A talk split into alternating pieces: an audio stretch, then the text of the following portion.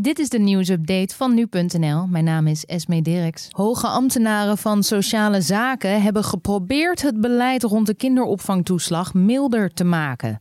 Dat zeiden ze tegen de parlementaire ondervragingscommissie. Oud-directeuren van de Belastingdienst wezen het ministerie van Sociale Zaken aan als hoofdschuldige rond de toeslagenaffaire. Maar die zegt juist oplossingen te hebben bedacht. Alleen heeft toenmalig minister Ascher die plannen nooit gezien.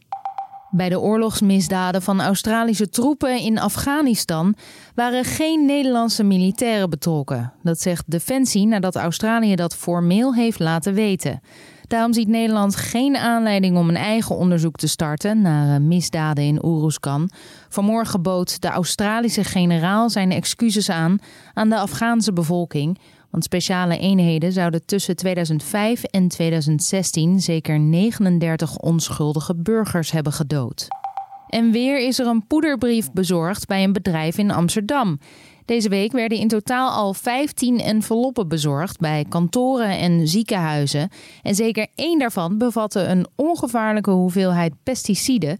Nou, de politie doet onderzoek naar alle poederbrieven en adviseert verdachte post niet te openen.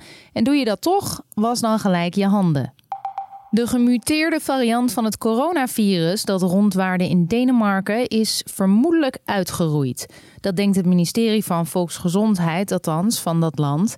De mutatie ontstond bij nertse fokkerijen en daarom werden alle 17 miljoen nertsen geruimd. Op 15 september werd het virus voor het laatst geconstateerd. En er komt dit jaar geen Elfstedentocht, zelfs niet bij zeer strenge vorst. Althans, niet zolang de anderhalve meter maatregel geldt. Het bestuur ziet de organisatie daarvan als onmogelijk en wil bovendien geen honderdduizenden mensen bij elkaar brengen. Dat vinden ze niet verantwoord.